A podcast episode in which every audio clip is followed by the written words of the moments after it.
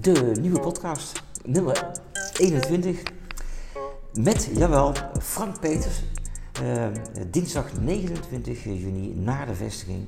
De Unexpected Talks van G. Smit. Uh, Frank Peters, uh, reputatie-expert. SWOCC 30 jaar, daar komen we daar nog even op terug. welkom Frank, dat ik hier mag zijn in deze... Dankjewel, leuk dat je er bent. Ja, en dat ik hier in deze nadervestiging, jij noemde net al de, het, de mooie wereldstad. Ja, het is, het is een beetje de reputatievesting ook. Hè? Ja, dus, uh, vroeger beschermde een vesting uh, en, en zeg maar, tegen de aanvallen van buiten. En feitelijk doen wij hetzelfde. Ja, dus ja, uh, wij helpen organisaties en personen beschermen tegen ook de aanvallen van buiten. Vaak. Nee, dat klopt. Ja. Ik ben hier ook vanwege een boek natuurlijk. Het juiste doen als er niemand kijkt. Lessen uit de ethiek, filosofie en integere leiderschap. Denk, ik kreeg van vrienden van mij te horen van... G, wat ga je nou doen? wat ga je nou induiken? Nou, ik wil graag blijven leren. En, en delen uiteraard. En het, uh, ja, de uitgeverij is Boon. Mij wel bekend als docent. Uh, maar uh, het gaat over toch ook wel metaforische opstapjes. Want ik heb hier een aantal metaforen gezien. Ik zie daar een kabouter. Frank, een gouden kabouter. Ja, en die steekt zijn middelvinger op. Ja. En voor mij is die kabouter een beetje symbool voor de, voor de buitenwereld. Ja. Als bedrijven niet voldoen aan de verwachtingen van de buitenwereld, dan steekt die buitenwereld zijn middelvinger op aan, eh, naar een bedrijf of naar een bestuurder van een bedrijf. Ja.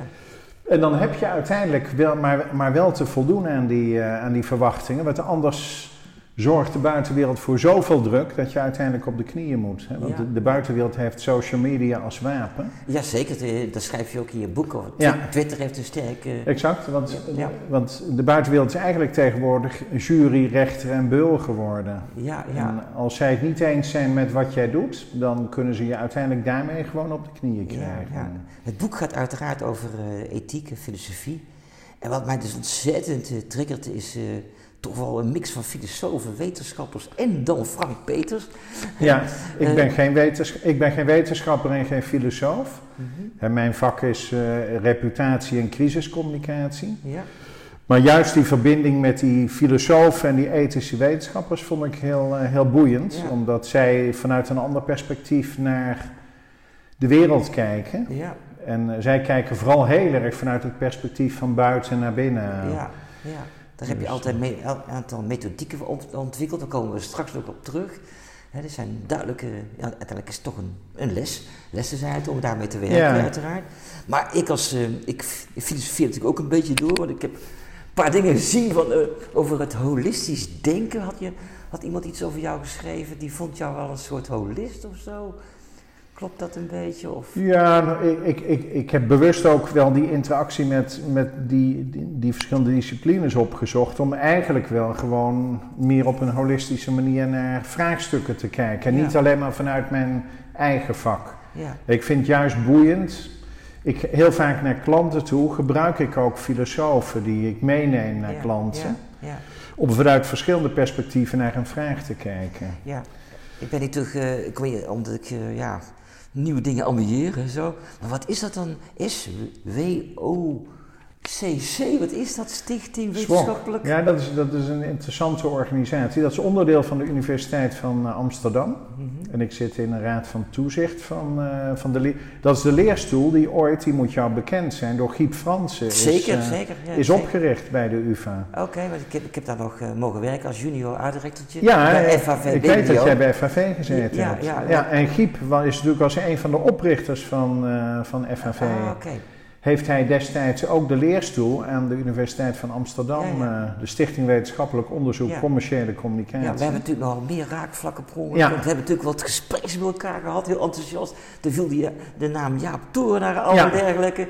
En, en, nog meer oude, ja, fantastische vakmensen uit het, het vak. Sieren heb je ook, ben je ook actief geweest? Ja. Blijf even bij het reclamestukje. Ja, ik heb uh, zo lang, je mag vier jaar in het bestuur van Sieren ja, ja, zitten. En ik heb inderdaad vier jaar ook onderdeel van het bestuur mogen zijn van Sieren. Dat was een hele leuke tijd. Uh, Vooral omdat Sieren zich in principe niet houdt aan alle heersende conventies. En ze eigenlijk altijd de grenzen opzoeken in het maken van de campagnes voor onderwerpen die aandacht Dat vonden wij als creatieve geweldig die Daarom, ja. En wij konden daarmee scoren en we konden ook een, een emotionele dialoog kon, konden we daarmee opstarten. Exact. Ja, je kunt eh, net de grenzen opzoeken en soms zelfs eroverheen, uh, heel bewust, uh, om onderwerpen te agenderen die aandacht nodig hebben. Ik had net al met elkaar een klein gesprekje, want ik hou ook wel van frictiedesign, ja. waardoor critical design, waar dus dialogen door ontstaan. Maar ik, heb, ik heb een zin gevonden, die vond ik zo leuk, en dat is de, de reputatie als niemand kijkt, wat gebeurt er dan? Nou, ik vind dus dat je. Kijk, als iedereen op je let, is het heel makkelijk om te voldoen aan ieders verwachtingen. Want dan weet je dat, dat er naar je gekeken wordt. Ja. Maar ik vind het juist heel belangrijk dat je de juiste dingen doet als helemaal niemand op je let en niemand naar je kijkt. Juist op die momenten is het belangrijk om dat te doen. Want als je dat niet doet, ja, ja dan. Kijk, als iedereen op je let, is het makkelijk genoeg. Ja, hè? Dan, dan, dan ben je goed of doe je het juiste voor de bühne.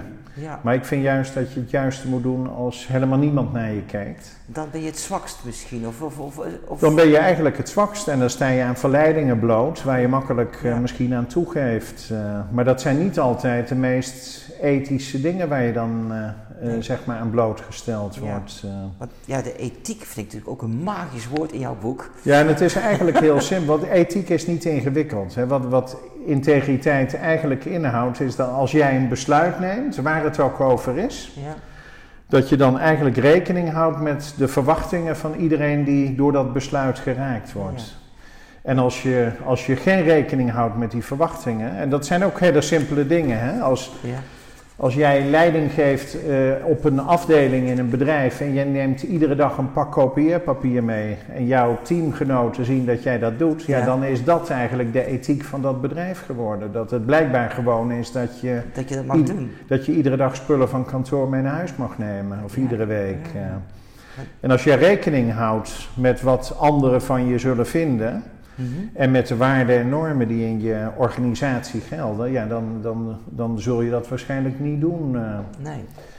nee. Dus, dus ja. het zit ook in hele kleine dingen. Ja. Dat geldt ook als je een van je teamleden een promotie geeft en de andere drie niet. Ja. Dan zul je ook rekening moeten houden met wat zij daarvan zullen vinden. En, en dat zij zullen denken, waarom krijgen wij geen promotie? Nee. Het gaat dus niet alleen maar om de hele grote integriteitsfraudes in Nederland, of de, de toeslagenaffaire, of het witwassen bij de banken. Het gaat ook over dat hele kleine wat iedere dag thuis en in bedrijven plaatsvindt. Hele menselijke elementen. Ja. ja. al die menselijke aspecten. Want je, ja. je staat voortdurend wel aan verleidingen ja. bloot.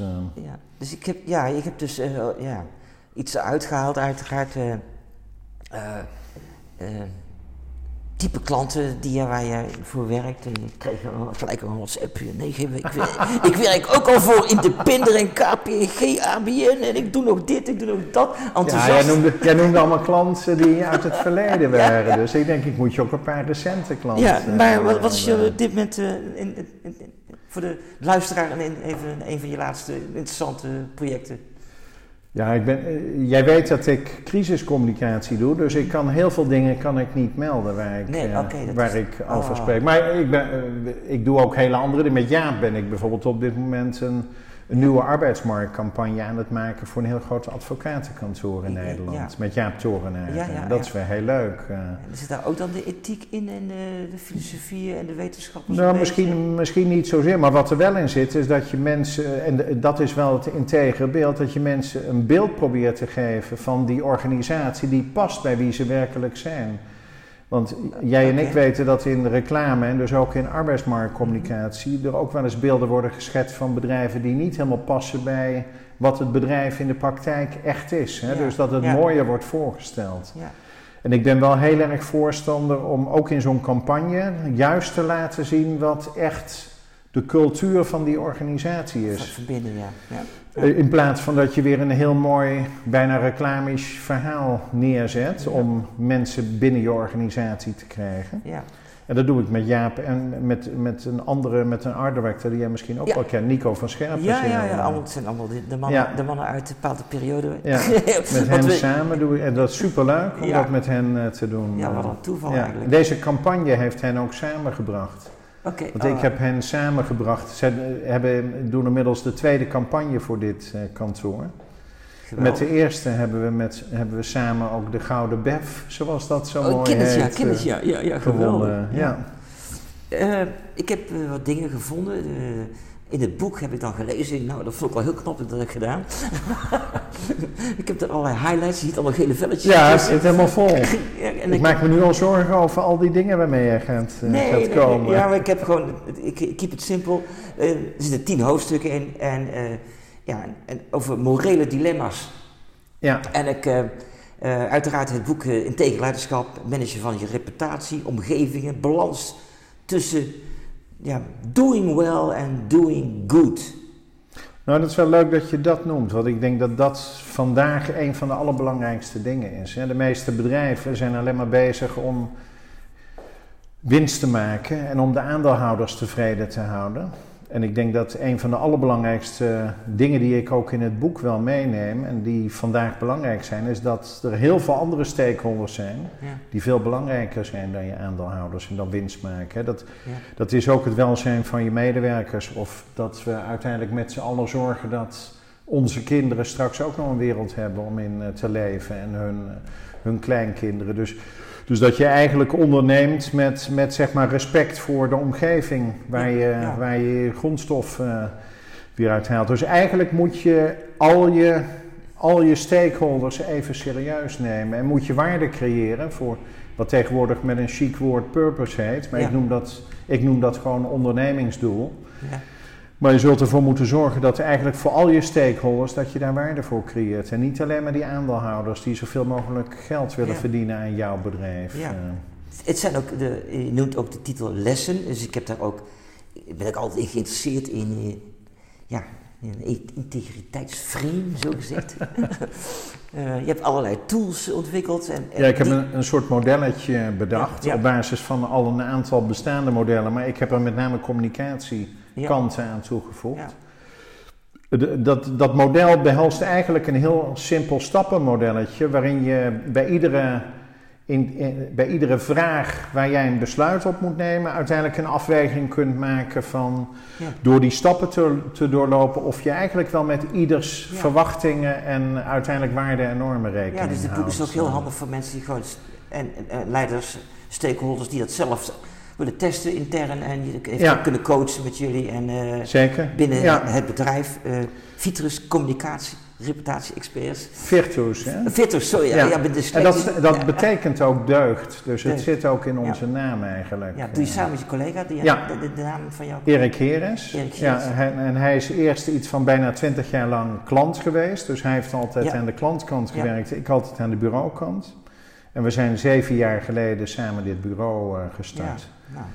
Wij, wij adviseren bestuurders, uh, directies, uh, raden van commissarissen van bedrijven over, over dit soort vraagstukken. Heel, heel vertrouwelijk allemaal, toch? Hè? Zeker, de, de meeste dingen waar wij op adviseren, daar kan ik ook heel moeilijk over spreken. Maar dat zei ik aan het begin van het gesprek al. Ja, nee, ik denk ik kan wel weer naar huis. Nee, nee maar ik, ik, ik heb wat bullets uit het boek gehaald. Ja. Uh, we hebben het al over gehad, over ethisch leiderschap. Dat hebben we al, denk ik, al redelijk. Uh, ja. Maar dan, dan kom ik weer met een andere leuke zin. En is de deur van geluk gaat naar binnen open. Ja, wat ik, wat ik daarmee bedoel te zeggen is dat de meeste uh, organisaties denken alleen maar aan zichzelf. En dan gooien ze op een gegeven moment de deur open en dan vertellen ze de buitenwereld hoe de wereld in elkaar zit. Ja. En ik denk dat het precies andersom werkt. Ik denk dat je de luiken en de deuren moet openzetten, dat je de buitenwereld naar binnen haalt. Ja. Dat je moet luisteren naar wat zij van je vinden en wat ze van je verwachten, als merk bijvoorbeeld. Ja. En dat je dus luistert om te leren in plaats van dat je je onmiddellijk wil verdedigen. Precies. En dat je dan vervolgens de dingen moet gaan doen waarmee je de verwachtingen van die buitenwereld gaat overtreffen. Ja. En helaas voor jou en mij, want jij bent ook een communicatieman. Ja is communicatie maar voor 10% leidend voor het beeld wat de buitenwereld uiteindelijk van je heeft. Het gaat uiteindelijk altijd over gedrag. Okay. dus het gedrag van bedrijven en van merken, hoe die zich gedragen, mhm. Nou, kijk nu naar hoe het Nederlands elftal is uitgeschakeld. Ja, we hebben. Dat was we zijn allemaal teleurgesteld door het gedrag eigenlijk van het Nederlands elftal. Ja, is wel een redelijk uh, actueel onderwerp. Ja. ja, een heel pijnlijk onderwerp. Ja, we hebben gelukkig. Ik ben ook een beetje wielrennertje, dus ik ben een beetje. Ja, jij, hebt, jij bent weer trots op Mathieu van der Poel. Van natuurlijk. natuurlijk ja. En Max, maar ja, ook ik zat in de zakken als mag je best weten. Ja, maar uiteindelijk zul je dus met gedrag uh, de omgeving moeten, moeten verrassen. En, en ja, ik, ik, dus- vond, ik vond het nog een andere uh, prachtige zin heb ik gevonden. Dus empathie heeft een gezicht nodig. Ja. Ik, was ik bij mij zo, hoe, het ging mij helemaal broeien. Ik van, wow, empathie kan ik tastbaar maken. Hoe? Ja, juist. Ja, ik denk dat, het, dat empathie niet zonder een gezicht kan. Uh, tot, tot een paar jaar geleden was het zo, als er een probleem was in een bedrijf of bij een merk... Ja en de buitenwereld reageerde via Twitter woedend. Iedere bestuurder, iedere directeur of merkmanager van een merk, die dook dan eigenlijk. In de hoop dat het wel weer zou overwaaien. Ja. En ik denk dat je dan, dat een van de kenmerken van ethisch leiderschap is dat je juist op het moment dat je tegenwind krijgt, dat je eigenlijk onmiddellijk moet opstaan het gesprek moeten aangaan met, met op, misschien op dat moment de boze buitenwereld. En dat je moet luisteren naar wat ze van je vinden. En hoe je dat uiteindelijk toch weer kunt wegnemen, dat probleem voor de buitenwereld. Je zit niet in de politiek. In de politiek duiken ze extreem, maar in het bedrijfsleven helaas ook. En bij de meeste merken helaas ook. De meeste merkmanagers die duiken ook op het moment dat het... Kijk, als er iets moois te vieren valt, een nieuwe campagne of zo, dan, dan, zie je iedereen vooraan staan. Maar als het een keer tegen zit, dat er een, weet ik voor wat, een, een, een merk uh, zijn producten van de markt moet halen of zo, dan, of als een merk onder druk komt omdat er kritiek is op een campagne dan merk je eigenlijk dat men zo lang mogelijk probeert te duiken. Dus, en dat vind ik heel zonde, want daarmee beschadig je eigenlijk niet alleen jezelf, maar ook het merk. Het merk nogal, ja. ja. Maar ik heb nog een mooie zin gevonden, is niet woede, maar, maar aandacht. Ja. Dat, was, dat is uit een artikeltje uit de, een van de uh, Caption 5 was in dit geval, waar ook de grote ego's als Trump en Blatter, FIFA, we hebben al een beetje voetbal genoemd, ja, ja is toch uh, ja. een bepaalde onderwerpje behandeld. Ja, er zijn, er zijn filosofen die vinden dat je juist eigenlijk blij moet zijn. En zelfs als iemand boos op je is, dat je dat moet zien als een, een, een poging tot contact met je maken. En dat je daar dus niet voor weg moet duiken. Maar dat je dat moet zien als aandacht en dat je dan toch juist die verbinding weer moet eh, maken met met degene die boos op je is. Uh. Ja, net over die filosofen. Je hebt ook een, een aantal, een aantal die uh, daaraan meedoen. Ik heb nog een paar eruit gelicht daar. Maar ja, je hebt ook drie werelden met elkaar gemixt. Dat vind ik wel interessant. Filosofie, leiderschap en, ja. en jouw, Kijk, mijn wereld is natuurlijk echt reputatie en, en crisis. En ik, ik vind het juist interessant om te kijken van wat valt er van andere disciplines te leren. Net als jij ben ik ook Voortdurend op zoek naar wat kunnen anderen, als je over de grenzen van je eigen vak kijkt, wat, kunnen anderen je leren. Ja. Wat filosofen, eigenlijk alle filosofen die ik gesproken heb voor dit boek, uh, eigenlijk allemaal gemeen hebben, is dat ze zeggen: Weet je, het gaat allemaal niet over jou. Het gaat altijd over de ander. En het, je zult dus het perspectief van de ander zul je altijd centraal moeten stellen. En je zult dus, dus moeten luisteren naar de ander. En dat moet je iedere keer als vertrekpunt nemen. Als jij met een nieuw product op de markt komt, zul je ook moeten kijken van... Voor wie wil ik dat product eigenlijk maken? Ja, daarom. En, en wat verwacht die persoon, die gebruiker van dat product ja, precies, straks? Ja, ja de, ik heb hier staan, de identiteit zit de vorm, de why, de beroemde, de beroemde ja. Uh, circle. Exact, van Simon Sinek Simon inderdaad. Sinek. Uh, ja, die, maar, en eigenlijk zit het daar ook heel erg in. Het zit in en, en één stapje verder is nog de wie. Hè? Voor wie doe je het? Voor wie wil je die waarde creëren? Want de why is eigenlijk die waarom. Daar hoort eigenlijk in één zin bij van voor wie. Hè? Waarom voor wie? Hè? Want wat wil je waarom voor wie bereiken eigenlijk? Ja. Nou, je haalt me de woorden uit de mond. dat is nou jammer. dat is nou jammer. maar uh, uh, welke filosoof kun je nou even aanstippen van waarom en, uh, de, en, de, en de why? En welke filosoof vind je daarbij passen? De, die, een van de namen van de... Nou, eigenlijk, het zit eigenlijk in, dat, dat is het grappige aan die filosofen, het zit bij allemaal heel erg in hun, in, in de verhalen die zij te vertellen hebben. Want zij, zij dwingen je continu om je in de ander te verplaatsen en, mhm. en te Minke Trom bijvoorbeeld is een mooi voorbeeld. Uh, een van de, de vrouwelijke filosofen. Je hebt ook een aantal dames erin, ja. Ja, heel bewust. En helaas, helaas uh, waren er niet meer dames dan ik nu in het boek uh, beschikbaar. Dus. Ja. Maar Minke Tromp pleit heel erg voor, voor, ja dat is heel ingewikkeld, maar voor het Socratisch gesprek. En dat is dat als jij met de buitenwereld praat, dat je eigenlijk alleen maar vragen stelt zonder dat je eigenlijk zelf een mening inneemt over wat de ander je zegt. En dat vind ik ook wel een hele belangrijke les. Hij zei, zegt, je moet eigenlijk alleen maar vragen om zelf te leren. In plaats van dat je dan een mening klaar moet hebben. En je alweer gaat verdedigen uh, tegen wat, je, wat de ander je vertelt. Ja, ja. Eh, dat, dat betekent dat je continu eigenlijk moet doorvragen. In plaats van dat je nadat je een vraag gesteld hebt en de ander vindt iets van jou, dat je dan dus heel hard moet gaan verdedigen. En dat je moet gaan proberen om je eigen gelijk te krijgen. Dat is zonde van het proces natuurlijk. Dat is zonde van het proces. Je moet juist doorvragen en nog meer te weten komen om uiteindelijk daar gewoon hele belangrijke lessen voor jezelf of voor je merk. Ja, eh, maar ik wil natuurlijk ook wat te weten komen in deze podcast natuurlijk. maar de, de roots van Frank, ergens hebben wij een klein beetje roots in Oosterhout. Ja, maar onze roots liggen in Oosterhout. Ik ben er al 40 jaar weg, maar ik ben er geboren en getogen inderdaad. Uh, in Kaaiendonk. Uh, Kaaiendonk zo gezegd. Zoals het met carnaval, carnaval altijd heet. De Ritterstraat heb je vernoemd dit keer. Ja, ja ik, heb, ben, ik heb eigenlijk de tijd die ik daar gewoond heb, altijd in de Ritterstraat gewoond in, in Oosterhout. Oosterhout. En, ja. uh, en daar ben ik twee keer, uh, twee keer ook, uh, ook verhuisd. Ja. Dus, ehm, dus daar, dat is, dat is de, de basis waar eigenlijk alle. En Breda. Ja. Waar ik op school gezeten heb. Ja, wat heb je daar gedaan? ik heb HAO gedaan in, in Breda. Okay. Ja. En, en, daarna heb ik communicatiewetenschap uh, aan de Erasmus uh, gedaan. Maar, Rotterdam, ja. Een middelbare school in, uh, in Oosterhout. Oosterhout, de, de Oelbre, nee... nee het Monsieur. Frenke College. Ja, ja daar heb ik wel eens aan op... Daar kwam ik altijd tussen de middag even kijken. Waar zat jij dan? Ja, ik was natuurlijk gewoon... ik, ik, ik was gecamoufleerde huisschilder van de LTS.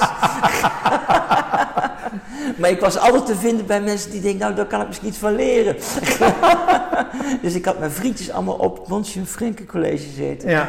En, uh, en ook de, er waren ook mooiere meisjes, moet ik zeggen. Dat, ja, op de LTS zaten vooral jongens. Ja, ja daarom. Er waren niet zoveel leuke meisjes. Dus ik, dus ik meldde me wel vrij, veel vaak daar bij, bij het pleintje bij... Uh, ja, het, uh, voor... voor, voor de, wat dames kennis te maken. Ja. Nou, na de rand ben ik gaan hokje ja. bij Warande. En, ja, ik ook. Dus wij kennen we elkaar ook weer van. Ja, ja, we jongens A1 mogen spelen. En, ja. En, en, en zo hebben we elkaar als wiggen gekruist een beetje. Ja, ik heb ja. inderdaad eerst gevoetbald bij TSC en daarna gehockeyd ja, bij, uh, bij de Warande inderdaad. Ja, dus, dus dat is even een klein stukje roots van Frank in Oosterhout, ja. Kaaiendonk.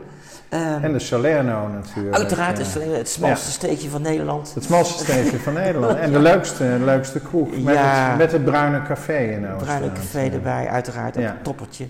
En daarna heb ik nog de Aquadoe en Oem en al dat soort... De Coco. De, de Coco en, en, al dat soort tenten gezeten. Nou, dat was even een beetje jongenstok. uh, we gaan terug naar de... Het, uh, cultuur is zichtbaar in gedrag van de mens. Uh, rituelen, onder andere, en fouten maken moet kunnen. Dus ik vind ook gedrag van de mensen en rituelen, dat vind ik ook al een ja. mooi onderwerp. Dat ja. uit was ook rituelen, maar... Ja, alles draait om gedrag inderdaad uh, van mensen. En rituelen. En, en, rituelen. En de rituelen, dat zijn ook dingen als bijvoorbeeld... Nou, neem in een bedrijf uh, bijvoorbeeld een vrijdagmiddagborrel of een donderdagmiddagborrel. is een ritueel in een bedrijf uh, ook. Of dat een directie zegt, weet je, ik wil gewoon jonge mensen uit mijn bedrijf die er net werken, wil ik gewoon wekelijks spreken om van hen te leren van wat speelt er nou in, in de buiten, want die jonge mensen zijn nog onbevangen. Ja, ja, ja. En die, die, die hebben nog een, een, een mening die nog niet is beïnvloed door het denken van de organisatie. Dus daarom is dat soort interne, ja, misschien verouderd woord, teambuilding-achtige dingen. Daar krijg je veel ja. oorspronkelijke DNA-input binnen je bedrijf. Ja, en, en, en, in de top van bedrijven hebben ze altijd toch vooral ja-knikkers om zich heen verzameld. Die hetzelfde vinden als de directeur van het bedrijf. En juist de mensen die nieuw in een bedrijf binnenkomen, die hebben dat nog niet. Nee.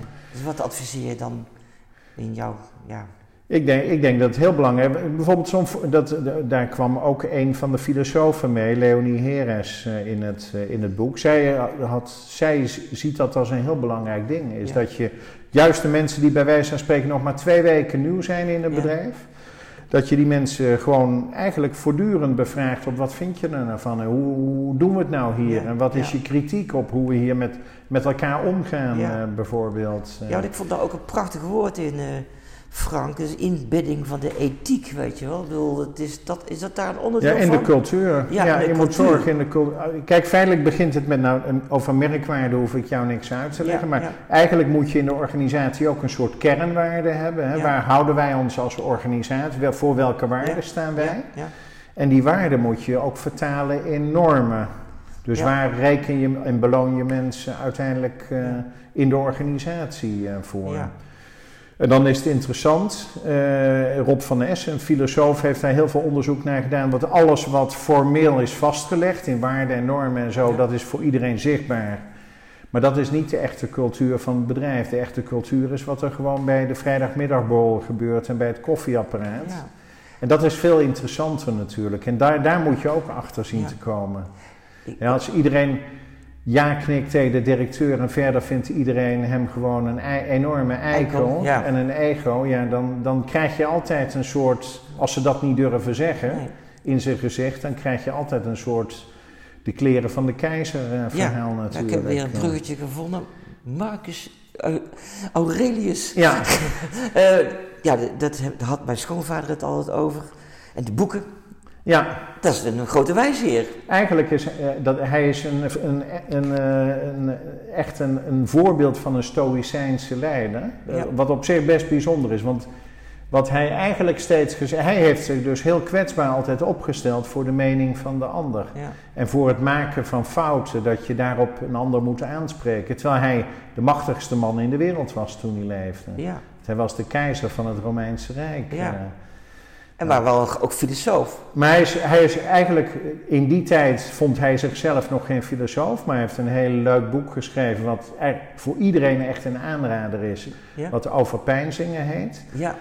En, en ja, het sta, ik kijk naar, de, naar mijn boekenkast, omdat het daar ook. Uh, Ergens staat hij daartussen. Ja. En in mijn boek heb ik ook tien tips van Marcus Aurelius. Ja, dat vond ik super interessant. Uh. Maar die heeft hij dus duizenden jaren geleden geschreven en ze zijn nog, nog steeds hartstikke actueel. Ja, de, relevante adviezen. Ja, heel relevant. Ja. En als je nagaat dat iemand zich zo kwetsbaar in die tijd, terwijl hij de, de machtigste man in de wereld was, was hij dus toch ook heel erg met zijn eigen kwetsbaarheid in die tijd. Ja bezig. Kom, kom ik even terug over de machtigste man en toch jouw, ja, toch wel fantastische filosofen en wetenschappers. En wat dame, vrouwen zijn. Maar, waar, waar, dat kom je natuurlijk ook tegen in, in leiderschap in, in grote organisaties. Ik vind dat vrouwen over het algemeen meer empathische leiders zijn dan mannen. Ja, en ook... Uh, Omdat die meer gevoel hebben juist voor de omgeving. En mannen zijn toch vaak, is mijn ervaring, toch meer op zichzelf uh, gericht. En, en, en, minder op degene met wie ze in de praktijk te maken hebben. Ethiek. Dus ethiek is, en met name empathie heb ik het dan over, is meer een vrouwending dan een mannending. En je, maar je ziet gelukkig wel een verandering komen. Ja, er is wat meer balans, er wordt ja. gestimuleerd van buitenaf. Ja, en er wordt ook meer aandacht over, uh, aan gegeven, ook in opleiding op dit moment. Uh, dus ook aan, en met name aan empathisch leiderschap. Ja. Dus dat is op zich wel heel goed. Want zonder, dat, zonder dat mensen oog hebben voor de omgeving, is het eigenlijk heel moeilijk managen in de organisatie. Je geeft ook nog uh, allerlei workshops en dergelijke, of masterclasses, uiteraard. Ja, heel veel trainingen en workshops inderdaad. Voor, voor bedrijven, voor bestuurders van bedrijven, maar ook ik geef ook lessen aan een aantal universiteiten en aan een aantal business schools. En dat, ja. onder, onder meer over dit onderwerp dit ook. Onderwerp. Ja. Maar ook over crisiscommunicatie, waar eigenlijk ook empathie en het perspectief van de ander centraal moeten staan. Een crisis gaat nooit over jouzelf, maar over het oplossen van het probleem wat je voor de ander ja, hebt nee, dat heb, ik ook, dat heb ik ook een keer van iemand een keer mij geleerd. Dat vergeet ik nooit meer. Crisis betekent, is een heel goed woord eigenlijk, want het betekent vooruitgang. Exact. Dat, dat zijn de twee betekenissen in het woord crisis. Ja, dat heb ik nooit geweten. Het is alleen maar ellende. Ja. En, uh, ik zeg ook altijd, never waste a good crisis. Je moet altijd lessen trekken uit iets wat mis is gegaan. Nou, misschien moet je dan toch Frank even bellen. Frank, ik heb een heel geruststellend woord voor je. je zit in de crisis. Ja, maar dat is het. Dat is, ik vind het grappig dat jij dat weet, want dat weet bijna niemand. Maar dat in dat woord crisis juist ook een kans zit in plaats van Ja, dat, ik, dat geleerd van iemand. Ik heb nooit vergeten. Ik vond het fantastisch. Ja. Zo moet je, vind ik, ook altijd naar een crisis kijken. Het is eigenlijk een kans om, in, om het in de toekomst nog beter te doen. Ja, daarom. Dat zeg ik ook tegen mijn leerlingen. Uh, die ik begeleid met eindexamens. Het maakt niet uit, jongens. Je bent... uh, daar moet je ook, dat vind ik ook een belangrijk punt. Daar moet je ook altijd iemand een tweede kans gunnen. In plaats van dat je iemand afrekent op een fout die die maakt. Ja, dat ben ik ook, uh, heb ook van iemand geleerd. Dus iedereen mag wel eens een fout maken. Daarom. Dat is goed. Ja. En fouten maken moet, anders maak je geen geen uh, evolutie. Of je maakt, geen, je, maakt, je gaat, maakt geen stappen. Nee. Het schiet niet op. Nee. Ik heb hier nog weer een paar andere woorden, maar die, die, die vond ik ook interessant. Dat zijn de tien kantelingen naar naar de betekeniseconomie. En dan kom ik op een pad vlak waar ik niet van alles vanaf weet. Nee, nee dat is uh, Ruud Veltenaar. ja, Ruud Veltenaar staat hier, een filosoof. Die toekomstdenker. Ik denk, oeh, dat is een stapje te hoog voor geen, maar dat misschien kan nee. Frank mij meer over vertellen. Nee, maar Ruud, Ruud zit, eh, als je Ruud zijn theorie, want Ruud is echt een eh, zeer bevlogen filosoof en toekomstdenker inderdaad. Ja. En Ruud is heel erg van de school dat je juist die waarde moet creëren voor de omgeving en dan met name voor de voor de natuur en, uh, en het milieu. Uh, Ruud zit heel erg op duurzaamheid. Ja. En uh, hij wil eigenlijk dat organisaties hun doelen stellen, hun ethische doelen stellen op basis van de, zeg maar de principes van, van zeg maar het klimaatakkoord. Ja. Dus daar zijn, daar zijn bepaalde doelen in gesteld. En mhm. Ruud zegt van, weet je, vergeet al die andere dingen ja. en neem die klimaatdoelen als jouw ethische doelen. Want als jij uiteindelijk de zorg voor het klimaat hebt en voor de natuur hebt. En je, je laat je dus niet leiden door die financiële geldwolven die je aandeelhouders zijn. Ja. Hè, dan, dan zul je uiteindelijk waarde creëren voor de wereld. dat, is, dat is Ruud zijn, eh, zijn perspectief in mijn boek. Ik heb van de studenten ook die onderzoeken deden een aantal jaren geleden over greenwashing. Exact. En ja, er zijn natuurlijk banken die ook zeggen wij komen voor de bank, wij komen voor de natuur op. Er zijn zelfs energiebedrijven die, ja. die zo positioneren. En die toch nog steeds fossiele energie uh, zeg maar, uh, hebben. Dus dat greenwashing is toch wel een dingetje. Als, als voorbeeld. Ja. Ja. Ik denk dat greenwashing een van de meest schadelijkste dingen is voor je reputatie. En dat geldt feitelijk ook voor dat jij zegt dat je het goede doet, maar dat je het in de praktijk met gedrag niet doet. Dat, dat dus je zult, ik, ik vond met name de bijdrage, maar de bijdrage van alle filosofen vond ik interessant. Maar vanuit het perspectief van, van denken om onze aarde en, en om onze kleinkinderen, heeft ja. Ruud een hele betekenisvolle bijdrage geleverd aan het, aan nee, het boek. Dat, daar, mij is ook ons echt opgevallen, Ruud uh, ja. Veldenaar, filosoof, toekomstdenker. Als je, hem, als je hem, ik heb met alle filosofen gesprekken gevoerd en meestal had ik dan een aantal gesprekspunten voorbereid en waar zij keurig ook hun visie en, en hun denkbeelden op, op uh, hadden voorbereid. Ja. En Ruud zei tegen mij, zal ik met jouw lijstje beginnen of maar gewoon gaan praten? Oké. En drie uur later zijn we het gesprek gestopt. En toen, Waanzinnig. En toen heb ik eigenlijk Ruud pas voor het eerst onderbroken in dat, uh, dat gesprek. Dus dat was heel grappig. Uh, en daarna hem alsnog die gesprekspunten voorgelegd. Ja, ja. Maar Ruud, als die eenmaal op het podium staat, krijg je hem er niet meer vanaf. Uh, ja, ja, en dat, dat was wel heel mooi om te zien. Ja, dat is wel top. Ja. wat is jouw toekomstdroom, denker? nou, wat ik eigenlijk een beetje ik, ik haal altijd mijn inspiratie uit iedereen, die, zoals ik nu ook weer inspiratie haal uit dit gesprek met jou. Dus ik, ik heb niet een soort. Ik heb wel één iemand die ik heel erg bewonder, dat is Guy Kawasaki. Hij is een van de eerste vijf medewerkers van Apple, eh, was hij, een van de eerste vijf. Mhm. En hij is inmiddels een hele beroemde marketingguru in de wereld, die een aantal interessante boeken geschreven heeft. En hij zegt: ieder merk en iedere organisatie moet eigenlijk maar één ding doen om in vredestijd en in crisistijd te overleven. En dat, en dat is dat, dat dat merk of die organisatie zich gedraagt als mens. Be a mensch noemt hij dat. Ja, geweldig. En dat betekent, dat is een oud die spreekwoord bij een mens. En hij zegt, je moet vriendelijk zijn, transparant zijn en open zijn. En als je die dingen uiteindelijk doet, hè, als je die kenmerken in alles wat je doet uiteindelijk centraal stelt, dan kun je altijd verbinding creëren en behouden, zowel in vredestijd als in, eh, in crisistijd. Eh, je moet gewoon consistent blijven in je, in je kernwaarden. Je moet eigenlijk je als organisatie gewoon voortdurend als een mens gedragen. Je kunt geen vriendschappen bouwen door bijvoorbeeld een ander te bedriegen. Dan is een vriendschap, of als je niet open bent naar een ander, of als je niet empathisch bent, niet vriendelijk bent naar een ander. En hij zegt, ieder merk moet zich dus gewoon gedragen. Zoals je dat ook privé als mens doet. Ja je bouwt en onderhoudt vriendschappen door gewoon menselijk te zijn. En doe je dat niet, dan raakt een relatie verstoord, dan raakt een, raak je een partner kwijt met wie je samenwoont. Ja. De relatie met je kinderen kan zelfs ja. verstoord raken. Maar dat geldt ook voor je vrienden. Hè? Als, je die, als je die inderdaad ook niet voortdurend menselijk bejegent. Nee, nee, ook al bejegenen zij jou misschien wel eens op een manier die je niet heel plezierig eh, vindt. Maar als je er op dezelfde manier in zit, en dat is wel een les die eigenlijk. Ik eindig al mijn presentaties en workshops ook altijd met dat motto van ja. Guy Kawasaki, Be a Mensch. En dat zit eigenlijk. Is wel een hele mooie titel op, ja, Dat zit als een rode draad ook door mijn boek. En echt iedere presentatie eindig ik daarmee.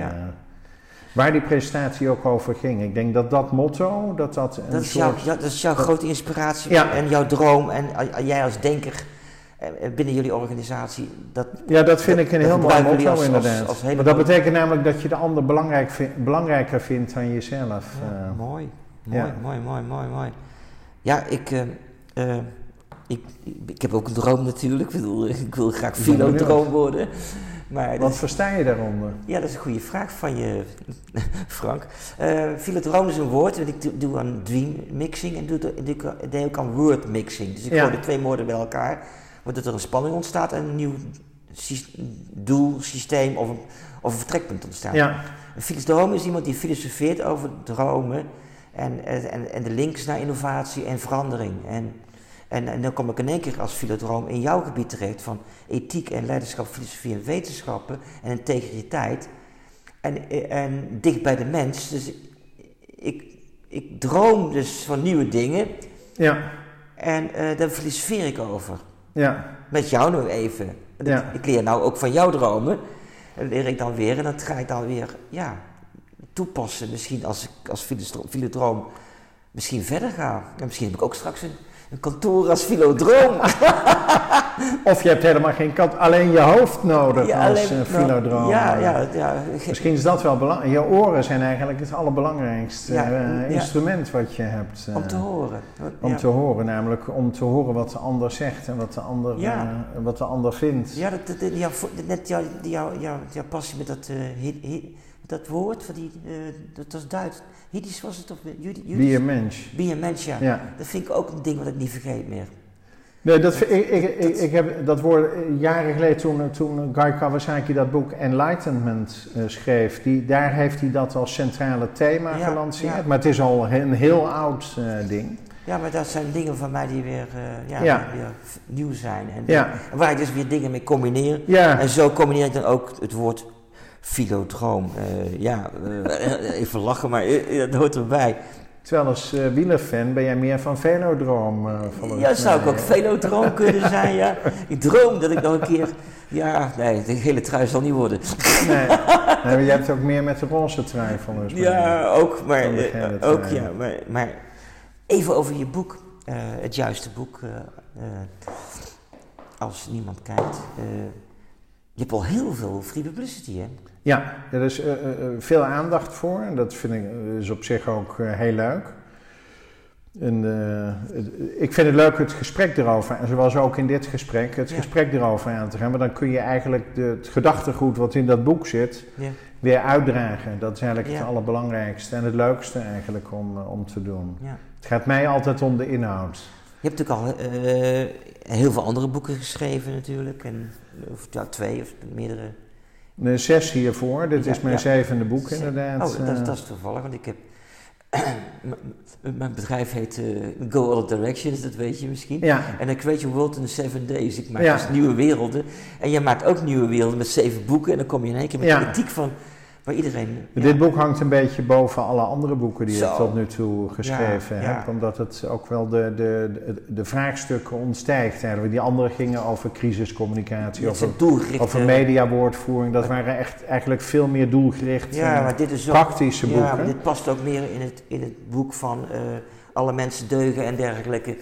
Ja. Die categorie kom je nou... Ja. Feitelijk is dit meer een boek om mensen aan het denken te zetten. Ja, ja. En dat, dat is ook mijn belangrijkste motivator geweest. Dat proberen we in ons advieswerk eigenlijk voortdurend te doen. Ja. Want wij, wij doen en maken ook eigenlijk niets. Hè. Wij zijn in die zin alleen maar een eh, adviesbureau. Ja, uh, maar wij willen bestuurders aan het denken zetten over hun eigen gedrag. Ja.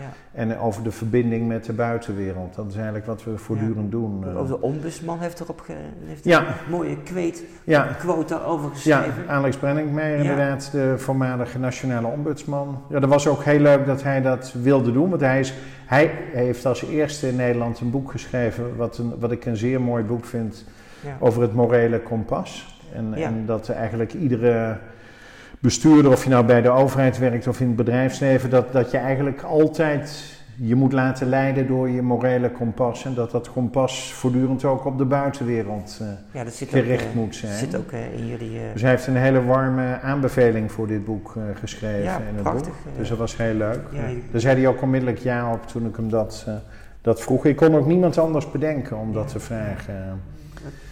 Jij, kan het misschien met je eigen woorden even voorlezen wat hij geschreven heeft. Dat is wel leuk. Ja, en, wat, wat, hij, wat hij zegt, van dat het juiste doen als niemand kijkt essentieel is voor de goede ontwikkeling van onze samenleving en voor ieder van ons in deze samenleving. Dus hij zegt, als je dat niet doet, dan is eigenlijk de samenleving gedoemd te mislukken. Ja, ja. Dus, en dat, dat is inderdaad wel een heel mooi statement wat hij daar maakt. Ja. Dus het is eigenlijk randvoorwaarde.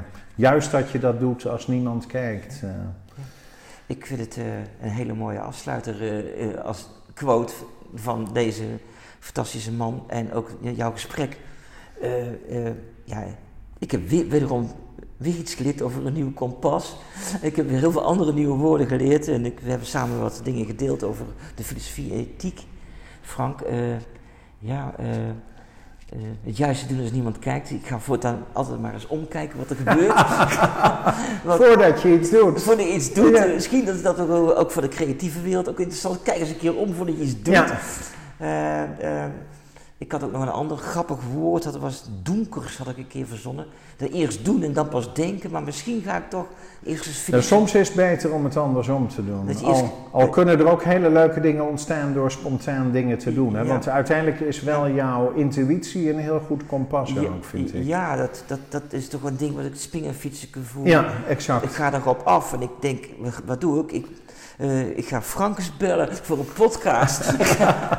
en ik ga naar de vestiging toe, de mooiste stadsvestiging die nu open is in Nederland.